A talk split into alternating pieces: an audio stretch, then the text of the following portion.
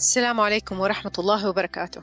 أنا منال الدباغ وأهلا وسهلا في بودكاست لنبدأ الحوار. Start the Conversation. الهدف من البودكاست أنه نبدأ الحوار في مواضيع مختلفة ما أخذت حقها في مساحة الحوار أو ما في أحد يبغى يتكلم فيها. المواضيع مختلفة لكن كلها بتدور حول كيف نقدر نعيش بكليتنا مش كأجزاء متفرقة في تناغم مع الناس حواليننا والبيئة. الفضول والشغف هو اللي خلاني أبدأ البودكاست وهو اللي يدفعني لاختيار المواضيع وضيوف البودكاست. مرة تانية أهلا وسهلا وإن شاء الله تلاقوا شيء مفيد في الحلقة. وإذا في أي مواضيع تحبوا تسمعوها أو أشخاص تحبوا تسمعوا منهم أتواصلوا معايا. السلام عليكم ورحمة الله وبركاته. حلقة اليوم باللغة الإنجليزية. ضيفتي هيلين تيري مدربة ومعلمة نيا تكنيك. أتكلمنا في الحلقة عن نية عن التواصل مع الذات على كيف نقدر نختار ونقدر نختار الشيء الأفضل بالنسبة لنا عن سفراتها وكيف بتتعامل مع السفر الكثير. تكلمنا على نية 5 ستيجز أتمنى أنه الحلقة تعجبكم وتلاقوا فيها شيء مفيد. وإذا في أي سؤال أو استفسار عن نية أو عن أي شيء تاني ذكر في الحلقة تواصلوا معايا. شكرا جزيلا.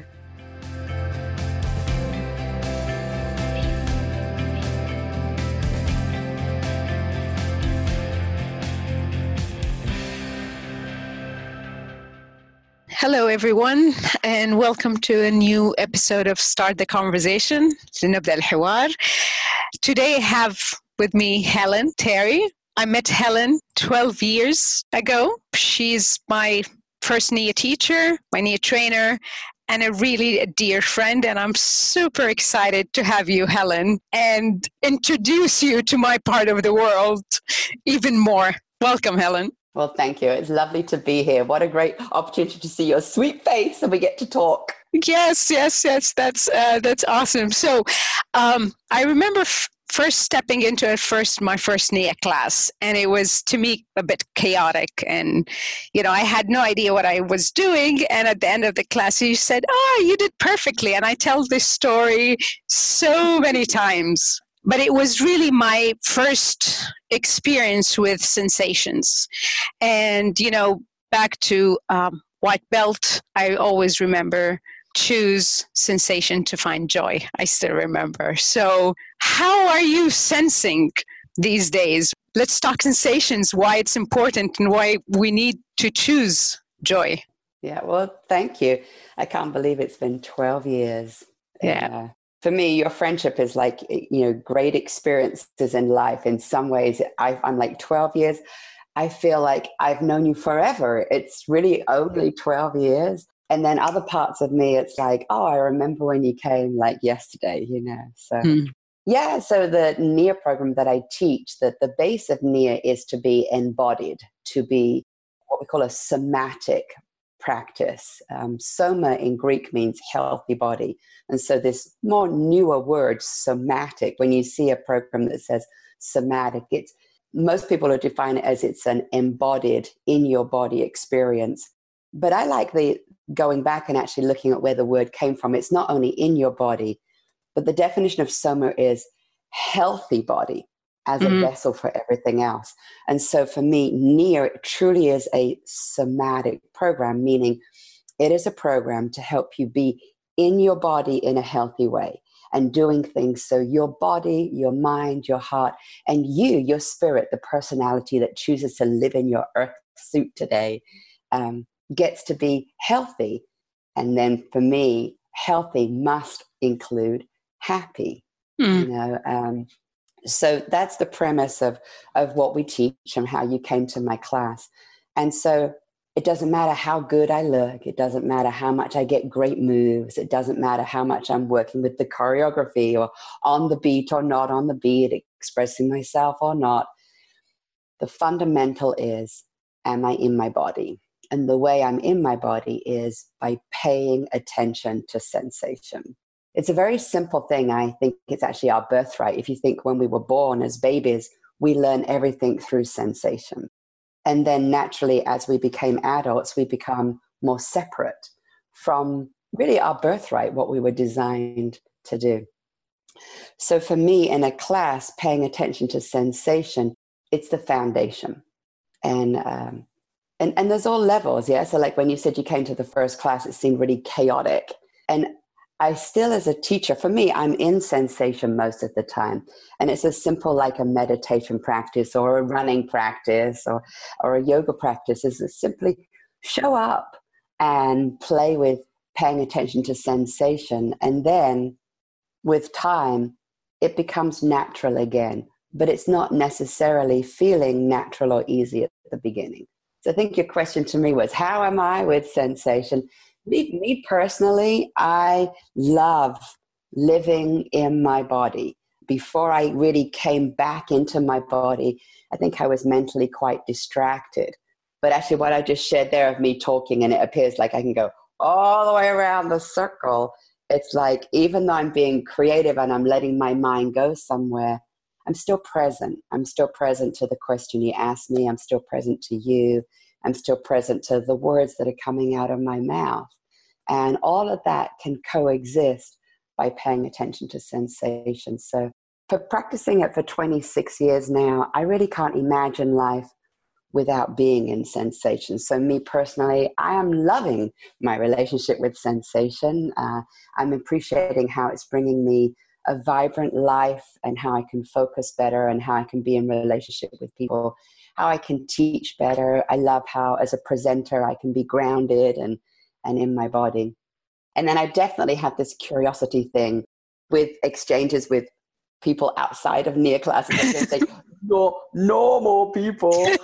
it's so funny to, for me to remember that being in my body through sensation when we look at the whole global population, um, it's probably not the norm. You know, that to be aware that people I'm speaking with, people that I'm teaching, people that I'm training, it doesn't come naturally. It's a skill that needs to be taught. And then it's not intellectualized that, okay, now the person understands to be in their body, to be in my body, I must pay attention to sensation it doesn't mean you've got it. It truly is a practice of every day um, doing it. So I like how, in that way, I'm still so fascinated about sensation. For me personally, I like living in my body. And also, I love understanding people better in relationship with sensation. Uh, well, it's still a, a practice for me to be in sensation and you know, and sensations uh, at the present time and what I'm feeling and when I'm I'm better at noticing when I'm completely in my head than when I'm back in the body. But certainly it's an ongoing practice. And with with my experience in teaching Nia and embodiment in different ways, it seems to me that that's kind of the developmental process that we go through as you know being completely embodied then to be completely in the mind and i think the the challenge the transformation or the opportunity is to bring them together and be in a body that thinks as well not just like kids. And how do you see this transformation now that you've been doing this all over the world? And when i say all over the world all over the world do you stay a whole month in um, in one place? I haven't yet found a calendar that will do what I want it to do. And so I actually make my own spreadsheet. That's my calendar. oh. spreadsheet.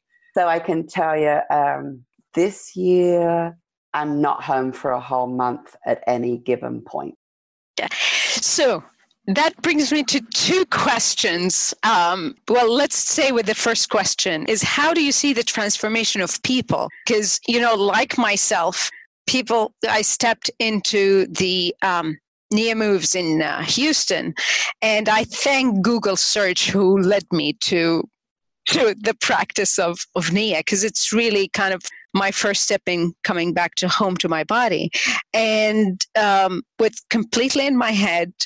Um, and now, you know, after the practice for so long, and I know you know people who have done this practice even more than 12 years that I've been doing it. How do you see that transformation sort of happen in front of your eyes? Today compared to 20 years ago? Is that what you mean? Yeah, in, in yourself and in other people. Um, I think it's amazing over the last 20 years of how fast we can see how technology and digitalization is, is moving at such a rapid pace. I'm so glad that I know what an album is. For my daughter, you know, like when we got an, a whole box of albums out, and all she knew in her reality was CDs. When she saw the size of the LP, she was like, wow, how many songs are on that? And I said, oh, about five. And she was like, what? There should be like a hundred. Yeah. And I was like, and if you physically turn it over, mm. there's another five songs on the other side when you physically put the needle on the record. And that whole concept of a physical musical device was beyond my daughter's comprehension. She mm. literally had never seen music being physically played on a record player. Mm. And I think I appreciate being in the generation of, of being part of that shift. Hmm. So, do I see more embodiment in the world today compared to two decades ago? Absolutely. Hmm. 20 years ago, yoga was barely even in fitness programs at gyms. Mm-hmm. I wasn't aware of the word somatic 20 years ago. I wonder really how long it has been that we've been using the word embodiment. It's almost mm-hmm. part of what I say, new science that with the help of social media and things caused like this and people around the world talking, I feel that there's this beautiful, um, flourishing explosion of let's have the conversation, let's share more about embodiment. So, from my reference point, I definitely think that this is a movement. Mm-hmm. And I'm like, thank you, God, that finally I don't sound like the weird, freaky hippie in the corner that people, when I share what I do, will say, Oh, that's interesting. but what they're really saying is, step back away from the loony lady. You know, like I, I am appreciating that I am feeling more and more extraordinary normal when people are asking me to talk about what I do. Whereas in the past, I definitely was seen as being a freak. So I personally like that, that, um, that I have to, I don't have to explain myself as much. And also at the same time, I've given up needing to explain myself. two sides to it there. So summary is, I think there's a big movement that mm-hmm. people are, more people are searching. More people realize that they need an antidote to their fast paced life uh, my daughter now works for Facebook, and um, it's phenomenal at how fast her mind works, how fast her thumbs and fingers work, you know, to be communicating. And I witness her doing a practice daily of getting up and doing yoga, um, talking to me more about meditation. And I don't think it's only that it's her mom is a Nia teacher. I think she is an example of her generation that there is this turnaround. I love when I go for dinner with my daughter, her boyfriend, and her friends. Not only are none of them on their cell phones, they don't even have the phone visible. Mm. And if I have my phone on the table, my daughter would just give me a look. and I'm like, oh, you know, I'll put, you know, I've got it face down. I'm not really looking at it, but I just put it on the table. Um, so personally, what I'm seeing is is a beautiful flip around of our next generation. They're starting to bring boundaries with their digital devices. They are starting to realize the importance of doing things physically to balance. And so, you know, my daughter's generation and moving on, they're giving me hope that they're moving. And I feel we are the generation that's preparing them for that with fabulous programs that are teaching people how to be in their body.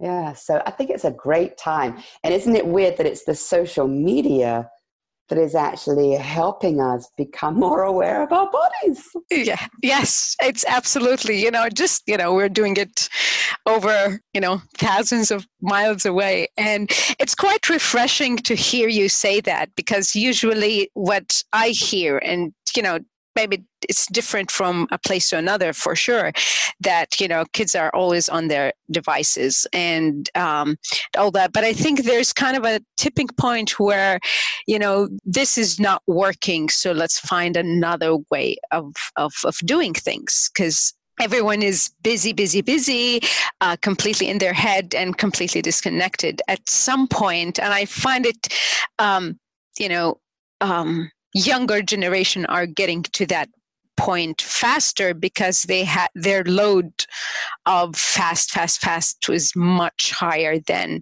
my generation you know growing up you know i was happy to be a teenager without instagram and facebook and and all of those things. Um, and um, i think the word embodiment is you know kind of booming and everything is taking as such as you know being uh, how much we are embodied. And certainly this is my own desire and challenge to bring this to saudi and uh, the region. I've been i've been teaching nia uh, for since 2013. And yes, I always get, what do you do? I do Nia and it's what? What? And I have to explain. And now I do my coaching as an embodiment coaching. And I also get this, what does that mean? And I simplify it as, you know, we get answers or clues from our body instead of just our mind. So I'm so happy that this is um, a movement in the whole world. And I'm so excited that I had the education of NIA, of, you know, the blue belt, brown belt, black belt, all the education that went into NIA. And um, that really was preparing me to take that role and bringing it to, um, to other people. So thank you. That's yeah. So anyone who's you know listening to this and have you know attended any of my workshops or um, you know was inspired by anything I said, Helen was the you know the ignite of all this that is coming out, and forever I'm grateful for this. And I remember, I don't know if you do, but when I was leaving Houston in um, 2011 and we're just saying goodbye on the phone and you told me travel with ease. And that has been my motto in airports since then because i'm you know a nervous traveler and i want to get to the check-in i want to do this and i almost run if i would. But with your you know words of travel with ease i would find myself stepping, you know, heel lead with ease all along. Um, and that's have transformed my traveling experience. So, and that brings me to my question How do you deal with this much traveling? Um, while being in the body, you know, being in an airplane thousands of feet off, you know, the ground, how do you stay with that? I love that you took on the travel with ease so beautifully. It's this wonderful, isn't it interesting that simply how powerful words are. And mm. when a, a little word is given in the right way at the right time, it can have such an impact. And that connects with what I want to share about how do I travel? How do I do all these big things? It's not so much the big things and the big deal and the big travels. I feel more and more it's the little choices that truly make the big difference. So when I say travel with ease, it's not only like you travel to Saudi Arabia with ease, it's like pack your bag with ease, book your flights with ease, say goodbye with ease, sense your heel lead with ease as you're rushing into the car when you're 15 minutes later than you thought you would be going to the airport. You know, it's like feeling I'm stressed in the car, wondering if I'm in traffic, will I make my flight? And realizing the only thing I have in this moment is choice. And ease my shoulders can come down. My shoulders being up by my ears is not going to help me get to my flight any faster. And I choose ease. And it's doing all the same things, all the little choices with ease. And that makes everything then, it's, it's ease. It's part of life that way. Um, so that's the main thing for me. And I mean, I'm human, therefore I still mess up, screw up all the time. I catch my shoulders up here. I find myself holding my breath. Um, I feel myself in my head like, oh my God, why am I doing so many things? And I got to do this. And I find myself napping at my husband when things haven't gone quite right. Um, and with all of those things, one of the little choices I have is when I catch that I haven't been making my choice with ease, or when I catch I really am rushing or stressing, there is nothing I can do about what I have been doing. And there's everything I can do in that moment to make a little choice. So I think one of the pivotal things of how do I get to do all the things I've done is when I catch myself, it can still be the things of saying I'm not enough or rushing and saying I don't have enough time or freaking out or all these things. When I catch myself in that moment, I can bring by choice ease into that moment instead of saying, I screwed up, I was doing this bad. In that moment, I love it's an acronym for NIA. In that moment, I choose with ease to say, now I am relaxing. Now I'm in ease. Now I'm enjoying what I'm doing. The past is the past. There's some like really lovely little poem that has that. But basically, you know, the past is the past. It's gone. I cannot change my behavior. But my choice in this moment is I choose to bring ease with everything I have. Debbie Rosas, co founder of NIA and one of my main mentors, for me, she is one of those modeling embodiment people at ease. There'll be several times when we're doing a training together in Portland and we're driving the car together, and it's five minutes before class is supposed to start. And we're in her car in the parking lot. And we have to get out of the car, go down the stairs, cross the street, come up the elevator, and be ready for the Nia class. And my mind's like, we have so many things to do. And Debbie will sit in the car and she might say, And how's Liliana? And, and I'm like, oh, she's great, thanks. And Debbie won't rush, you know, she'll open the door. And so I have people in my life who, for me, model ease. So, number one is in the moment when I realize I'm stressed and I'm not doing it well, I stop, I choose to bring relaxation and ease and celebrate now I am being the person I want to be, traveling where I want to be, and all is well. And then when I feel I can't do it on my own, I call upon what I call physical and surreal angels, people in my life that model the behavior that I want. And so sometimes I'll just act like I'm Debbie or I'll act like that lady in class, like a brand new lady who moves slow and talks slow and has a soft voice. And I'll role play and play as if I have part of them inside of me. And they help calm me, they help me relax. And then it's amazing how I can process things really, really fast. I can love my traveling and keep that ease going. So that's that's the overall philosophy. Then if you want, I can also tell you step by step. I have things that I do for when I travel. Okay, I, I think this is one of the most, again, I've learned it from you because the first time you told me and correct me if it wasn't you but i'm pretty sure it was you when you when you said i don't believe in jet lag. Yes that's me. That's you. I'm like jet lag does not exist in my reality and I've taken your advices. And, you know, even though that this conversation was about, you know, sensation, it's more about talking to you and all the things that I've learned and I want to share with other people. This could be maybe really one of the things that have changed even how I see jet lag. And I've, um, I was in uh, the West Coast of the US in uh, late January, and jet lag was poof, Nothing. Because, you know, Helen said jet lag does not exist. And that, you know, sound funny and maybe unreasonable, but how do you, why do you say jet lag does not exist? We as humans, I think, underestimate the power of our minds. We're only utilizing such a small percent of our potential. And I truly do believe thoughts become things. Mm.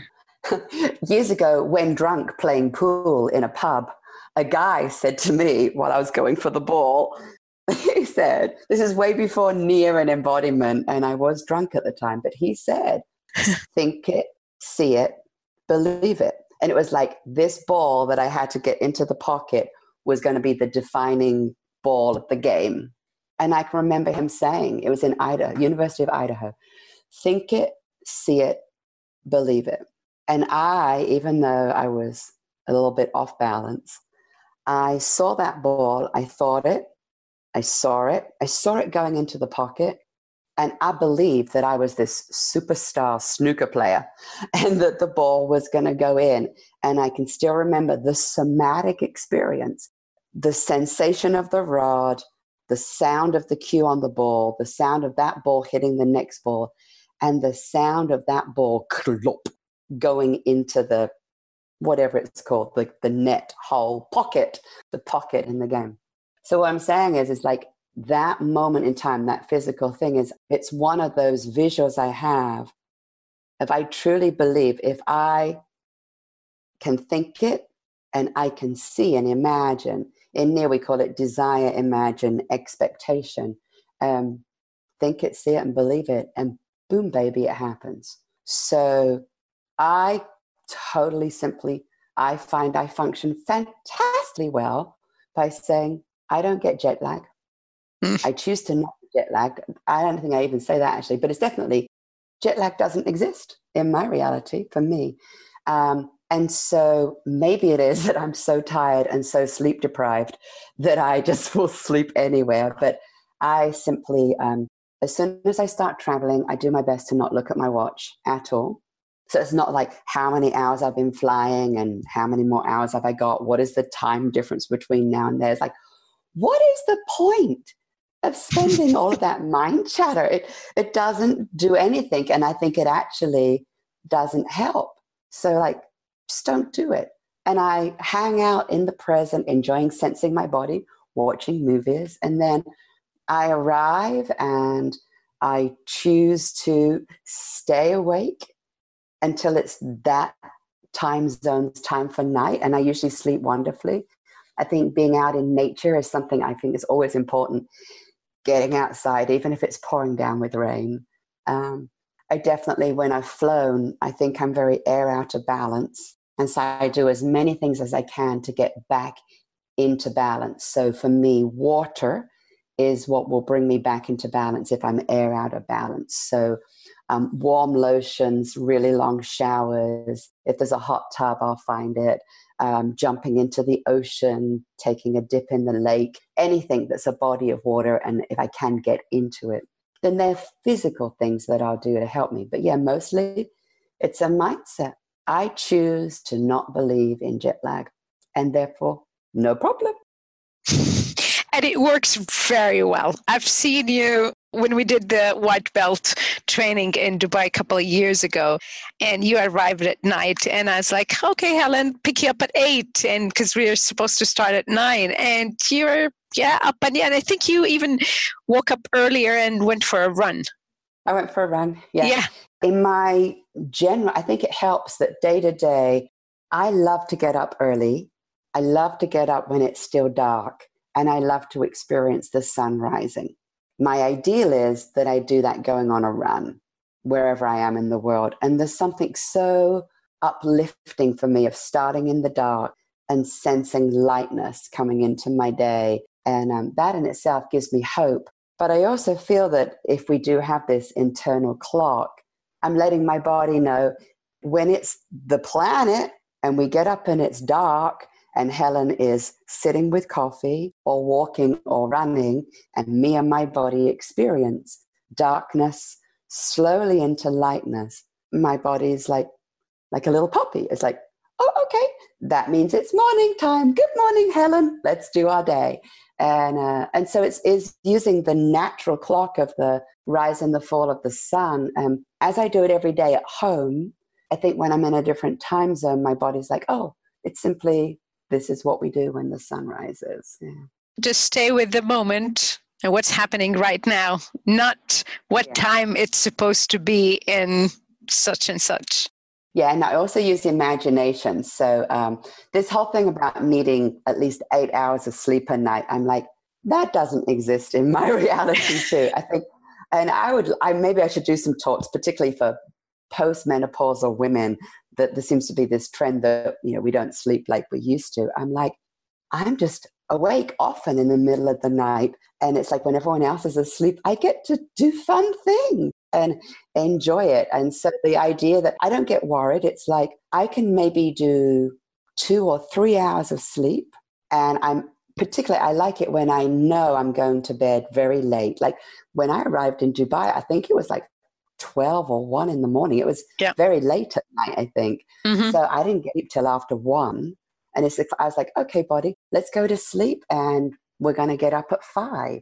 And so I'll talk to my body like she's another person. Yeah, we're in relationship with each other. And I'll be in the place of like, let's have really good sleep for three hours. And when we wake up, let's imagine we've had this luxurious, quality, long sleep. And uh, it's like, I don't believe in jet lag. It's like, I wake up and I believe that was fabulous sleep. Let's get up, you know? And so it is. now, you know, that's an interesting way of, of looking at it. Um, but I wonder, is that working pretty well because you do have a relationship with your body and you are in your body versus the if you believe it, you can achieve it kind of like, no, I'm just going to say it in my mind and the body would follow you know because yeah sometimes you know just telling ourselves you know stuff that is still completely disconnected from our body. So do you feel that, that you could do this right now because you are in relationship with your body or is it just a mind power? Um everybody's different. Of every course. day is different. Mm-hmm. so it's i can give my personal reference point and then my philosophy I think what's the main thing is for people to start somewhere. Mm-hmm. and so it could be you know, start to at least change your thought patterns. And then part of that is while you're changing your thought patterns, play with how you can pay attention to sensation. And very simply, can you sense the part of your body that's in contact with something below you? So, like right now, I'm sitting, I'm sensing my bottom, my foot's on this little bar underneath my desk. I'm sensing that while simultaneously talking to you. Now, someone could have a belief of like, wow, by me putting attention into sensing my body, I'm giving less attention to my relationship with the other person. I think that's a mental construct. Mm-hmm. And so part of it is I'd say, yeah. And at the beginning, that's true for a new person that's never really put some practice into sensing their body. They actually might need to be a little bit mentally distracted. But pretty soon we can learn how we can simultaneously be sensing our body and be more present. So the summary is you could come into it either way. Do I think the most effective way is being in the body? Absolutely. Um, I would say it's 10 times more potential and effective being in my body. I can't imagine the the mental energy it would take for me to do what I do embodied, like think about it in my head, how I could manifest that only from my mind. Mm-hmm. It almost gives me a headache. you know, it's like it really honestly does almost give me a headache in that yes, the most powerful way to do it is truly being integrated with the body and mind. Like you said, you know, we're born in our body then we go into our head and then this reintegration it's optimal um, i feel like our relationship with our bodies is is one of the if not the most important relationship we'll have on this planet in this reality and it really is a relationship and it's like a marriage it's like i was all about my body. Then I learned all about me, Helen. I mm. kind of self actualized and discovered, oh, I'm more than a sensing being. I'm a thinking, intellectual, unique, creative being on the planet. And so it's like I was one person body. Then I moved into mind to realize there's a Helen Terry that's never, no one else is like me, thank God. And then it really is like, it's a, it's like a marriage of when I come back, it's like how awesome it is when there's a flourishing marriage. Mm-hmm. Um, I can think of my relationship with Joe, like when I first met him, it was like, oh, all about him, you know. And then as the relationship developed, it was more like, you know, where are my needs? Where are his needs? And how is our relationship flourishing? So I definitely think of me, my body, and our relationship. And anything I want to do in life, if I am in that relationship, that's when I'm most effective, I think. Yep. It takes a lot of work to do things from just, at least actually for me, to do it from my head.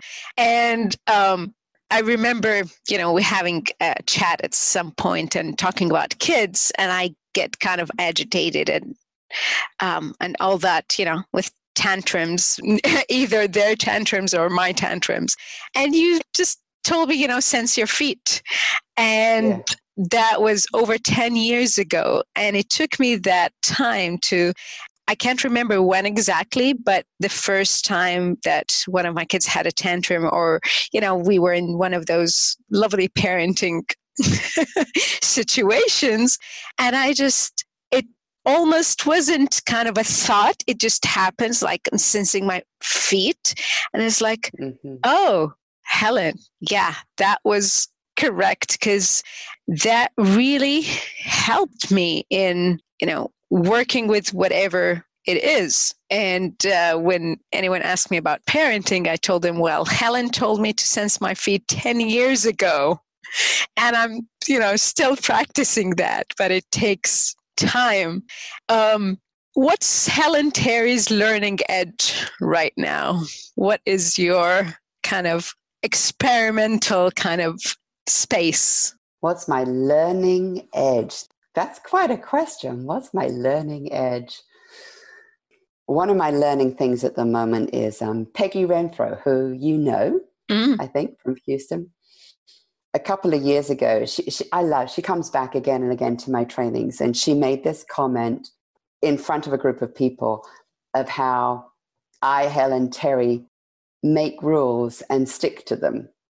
And as soon as she said that, I turned around like the story I told myself was, I mean, growing up as a student, as a daughter in my family, I always saw myself as the rule breaker. I mean, I'd go out of my way to find a different way to do things. And, um, and so for someone's to say not only that I followed rules, but I was the one that made my own rules, I was like, that's not me, that's not me. Uh, it's it was like a total reaction, and then I sat with it. And so for me, part of my learning is I hear something like that, I notice this immediate reaction in myself, and then I bring curiosity to like, hey, hold on, what is true here? What can I learn from this? And so it's something I've been witnessing. And when I say witness, I, I imagine my witness is on this side of me, kind of watching me. And so my witness has been noticing, unfortunately, I hate to admit it, Peggy was right. I make rules all the time. And even though nobody else maybe even knows about them, I make myself stick to them. And I'm, I'm learning that this is part of who Helen Terry is. And it's been there almost all the time, I think. But I'm fascinated to learn there are all these layers. Even though I've been practicing consciousness and blah, blah, blah, blah, blah, there is still so much more to be discovered about me. If I ever say the thing of like, oh yeah, I think I'm really conscious now and I know most, I know how I work. it's like, I love laughing about that because if I say that, that's just simply denial. You know, there's something that's about to break that I'll be like, okay, I'm perfect. There's no more no more work needs to be done. yeah, it's pretty funny. So I am definitely learning by stalking myself with how I make rules and stick to them. So simple things. Um, I love to run. Yeah, I, I, do this thing called running the year. So this year I'm running 2,020 miles, means I have to average about five and a half miles a day. And if I miss a day, I got to get out there and run 11 miles the next day to stay on track. And with all my traveling, it's it's a very fun dance. We'll put it mm. that way. Well, I realize I'll be running and I have a thought, and the thought will be, let's say, my thought is, what's the time? And then I can notice my habit would, is then for me to, as I'm running, look at my watch. Yeah. But instead, my mind will say, you don't need to know what the time is. Wait. And so then I'll keep running. And then my mind will go again, oh, I wonder what the time is. And I almost reactionally go to look at my watch. And then I'll train something in my brain to say, wait. And then another part of my brain might say, in fact, let's not look at our watch at least until the end of this next song that I'm listening to. Or let's not look at the watch until you've had this thought five more times. Or let's not look at the watch until you get to the next bend in the road. And, and I'll set this little rule. And then my mind again will say, I wonder what the time is. And then I'll be having a conversation like, why do you keep asking that? We're not going to look at the watch. And then I'll be witnessing why are you now really thinking about the silly watch? Listen to the music. But I'm watching this whole process. But the end result is I'm fascinated, fascinated to realize what I'm telling myself about myself, what I'm telling myself about the situation, how I still have so many habits. And through choice, I can train my brain so that when I look at my watch, it is by choice and not by habit and also by setting these rules, I, who tell myself I'm a very undisciplined person, I become a more disciplined person. And that makes me feel good. And I find that with these little choices, through this discipline, I actually have more control over my choices, over my responses. And then I actually have more control over my life without going to the place of thinking hmm. I have control of my life, which is obviously I don't. But it's like so. Then when I when I get thrown for a loop, when things don't go the way that I planned, I have this discipline construct in my mind, and it literally comes from the thought of looking at my watch and choosing not to, and making the rule and sticking to it. That it's crazy that makes my mind stronger, more conscious, better able to make the good choices. So that's my learning edge. It's interesting that, you know, um, we need other people because you know to let us know oh this is what you're doing. This is you know you're walking this way. You have your shoulders up to your ears. And you know it's you know it's a constant reminder. We need people letting us know because we get so comfortable in what we are used to doing without even realizing it. Um, the mind chatter is kind of fascinating space to be if we can step to the side and just witness and really, you know, the truth uh, we tell about ourselves, the truth we tell about, you know, other people, that's blue belt, correct? Mm-hmm. Yeah? Yeah, five levels of truth telling. Good job. I think my favorite training by far, and I, um, I still have the plan to retake in Budapest when you come one day. Uh, we'll see when that happens. Well, we've got a blue belt in June in Budapest yeah, well, we'll see how you know things work out um, and happen. How is the ranch? The ranch, Soma Ranch, Montgomery, Texas, one of my favorite spots in the whole United States. It's I call it my home in Texas. Um, how is it going? How is it flourishing? It's going really great. I think there's a big turning point when we had our 10th birthday last September. Um, I feel like we have, um, operational wise at the ranch and also financially, we, we seem to have found this place of stability. I almost mm-hmm. feel like I've been on a, a rocky boat, enjoying mm-hmm. the ride, but now it's like um, I'm feeling the security and the stability, which allows both Joe and I to be even more relaxed and allowing it to flourish. I think it's almost similar to the chakras, you know, that I feel like we've really um, established our base, our root chakra.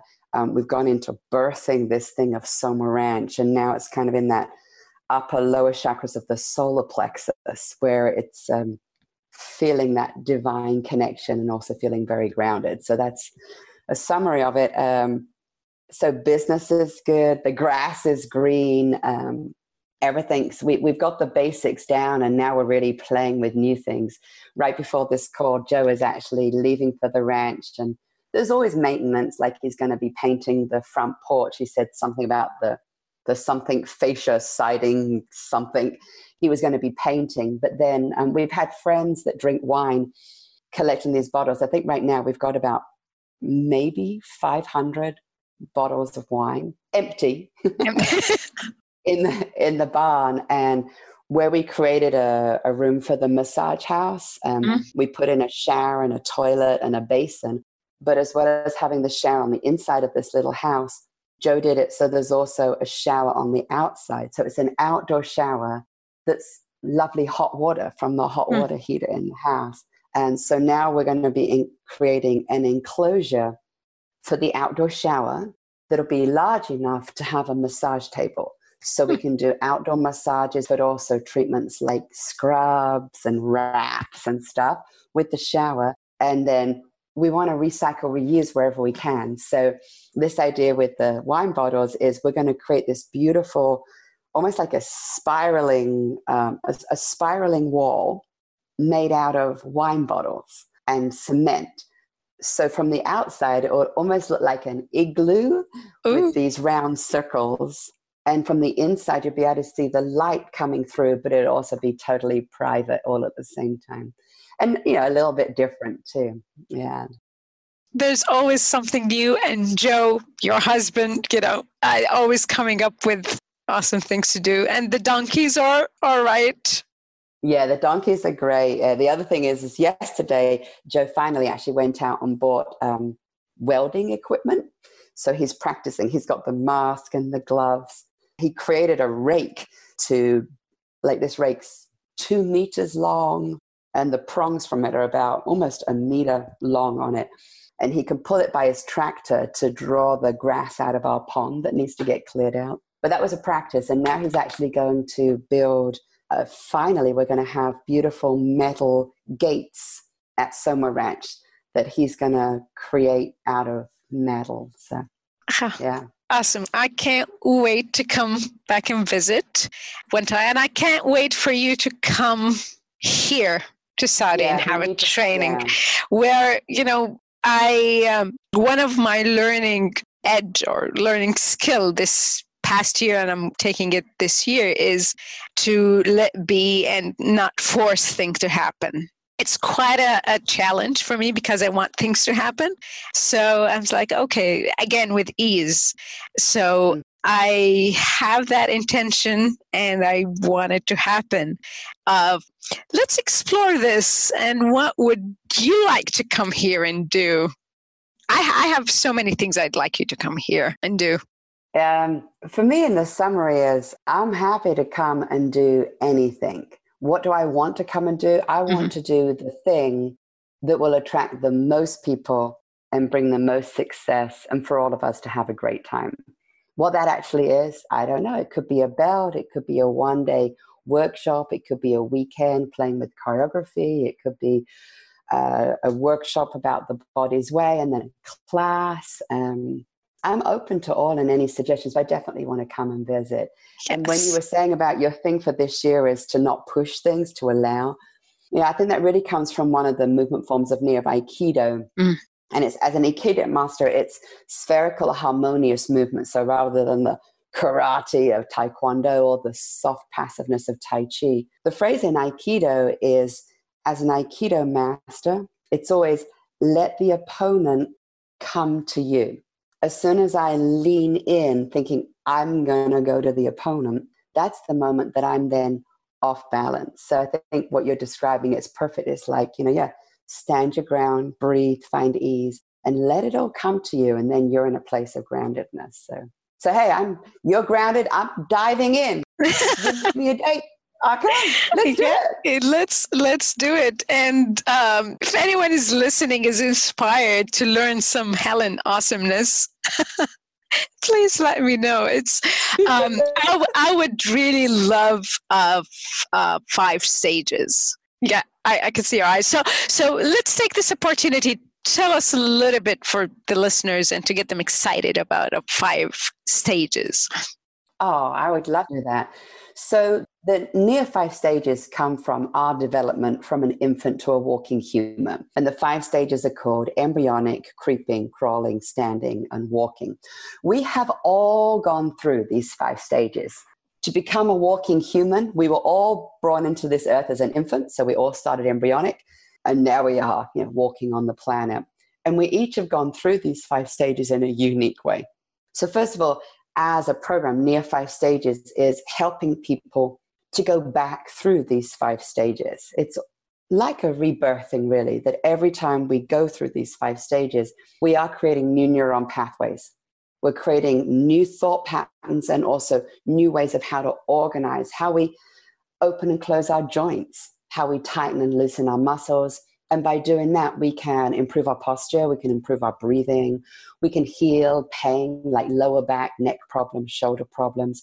But it also can help integrate our mind. So, those of us that are really creative but can't keep track, maybe we can track better. Those of us who are really logical, maybe we ease up and we find more creativity. So, all of that is potential in a Nia five stages practice. There's a thing we call a seven minute workout where you go through each of the five stages for a minute and then you get up and down for a minute and then you laugh for a minute, belly down, back up, sitting up, standing up. So if someone came to a Nia five stages experience, I'd recommend that the first day be just totally for anybody. And it's bringing that what we call beginner's mind, that it would be for everyone to come in and to watch the five stages demonstrated, to then slowly go through the five stages. Um, we teach you how to adapt moves, how to transition from one move to the next.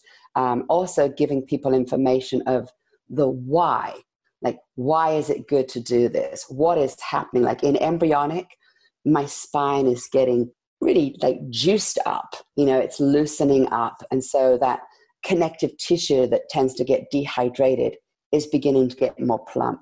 Then we go to creeping, and the spine is literally being moved up and down in a lateral way. I like how you're moving as I'm talking. It's like, mm, yeah, yeah. It's then when we get to crawling, we've hydrated the spine, the synovial fluid, we've pumped it a little bit. When we're in crawling, the spine is then moving its S like shape as a wave, and that is moving that synovial fluid all the way from the tail to your third eye here between your eyebrows.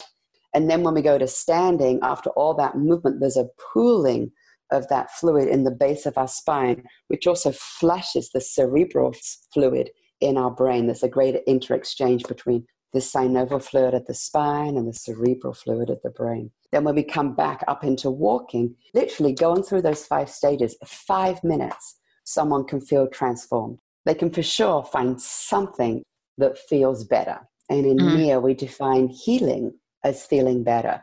So, another thing we weave into the five stages program is what we call body gratitude.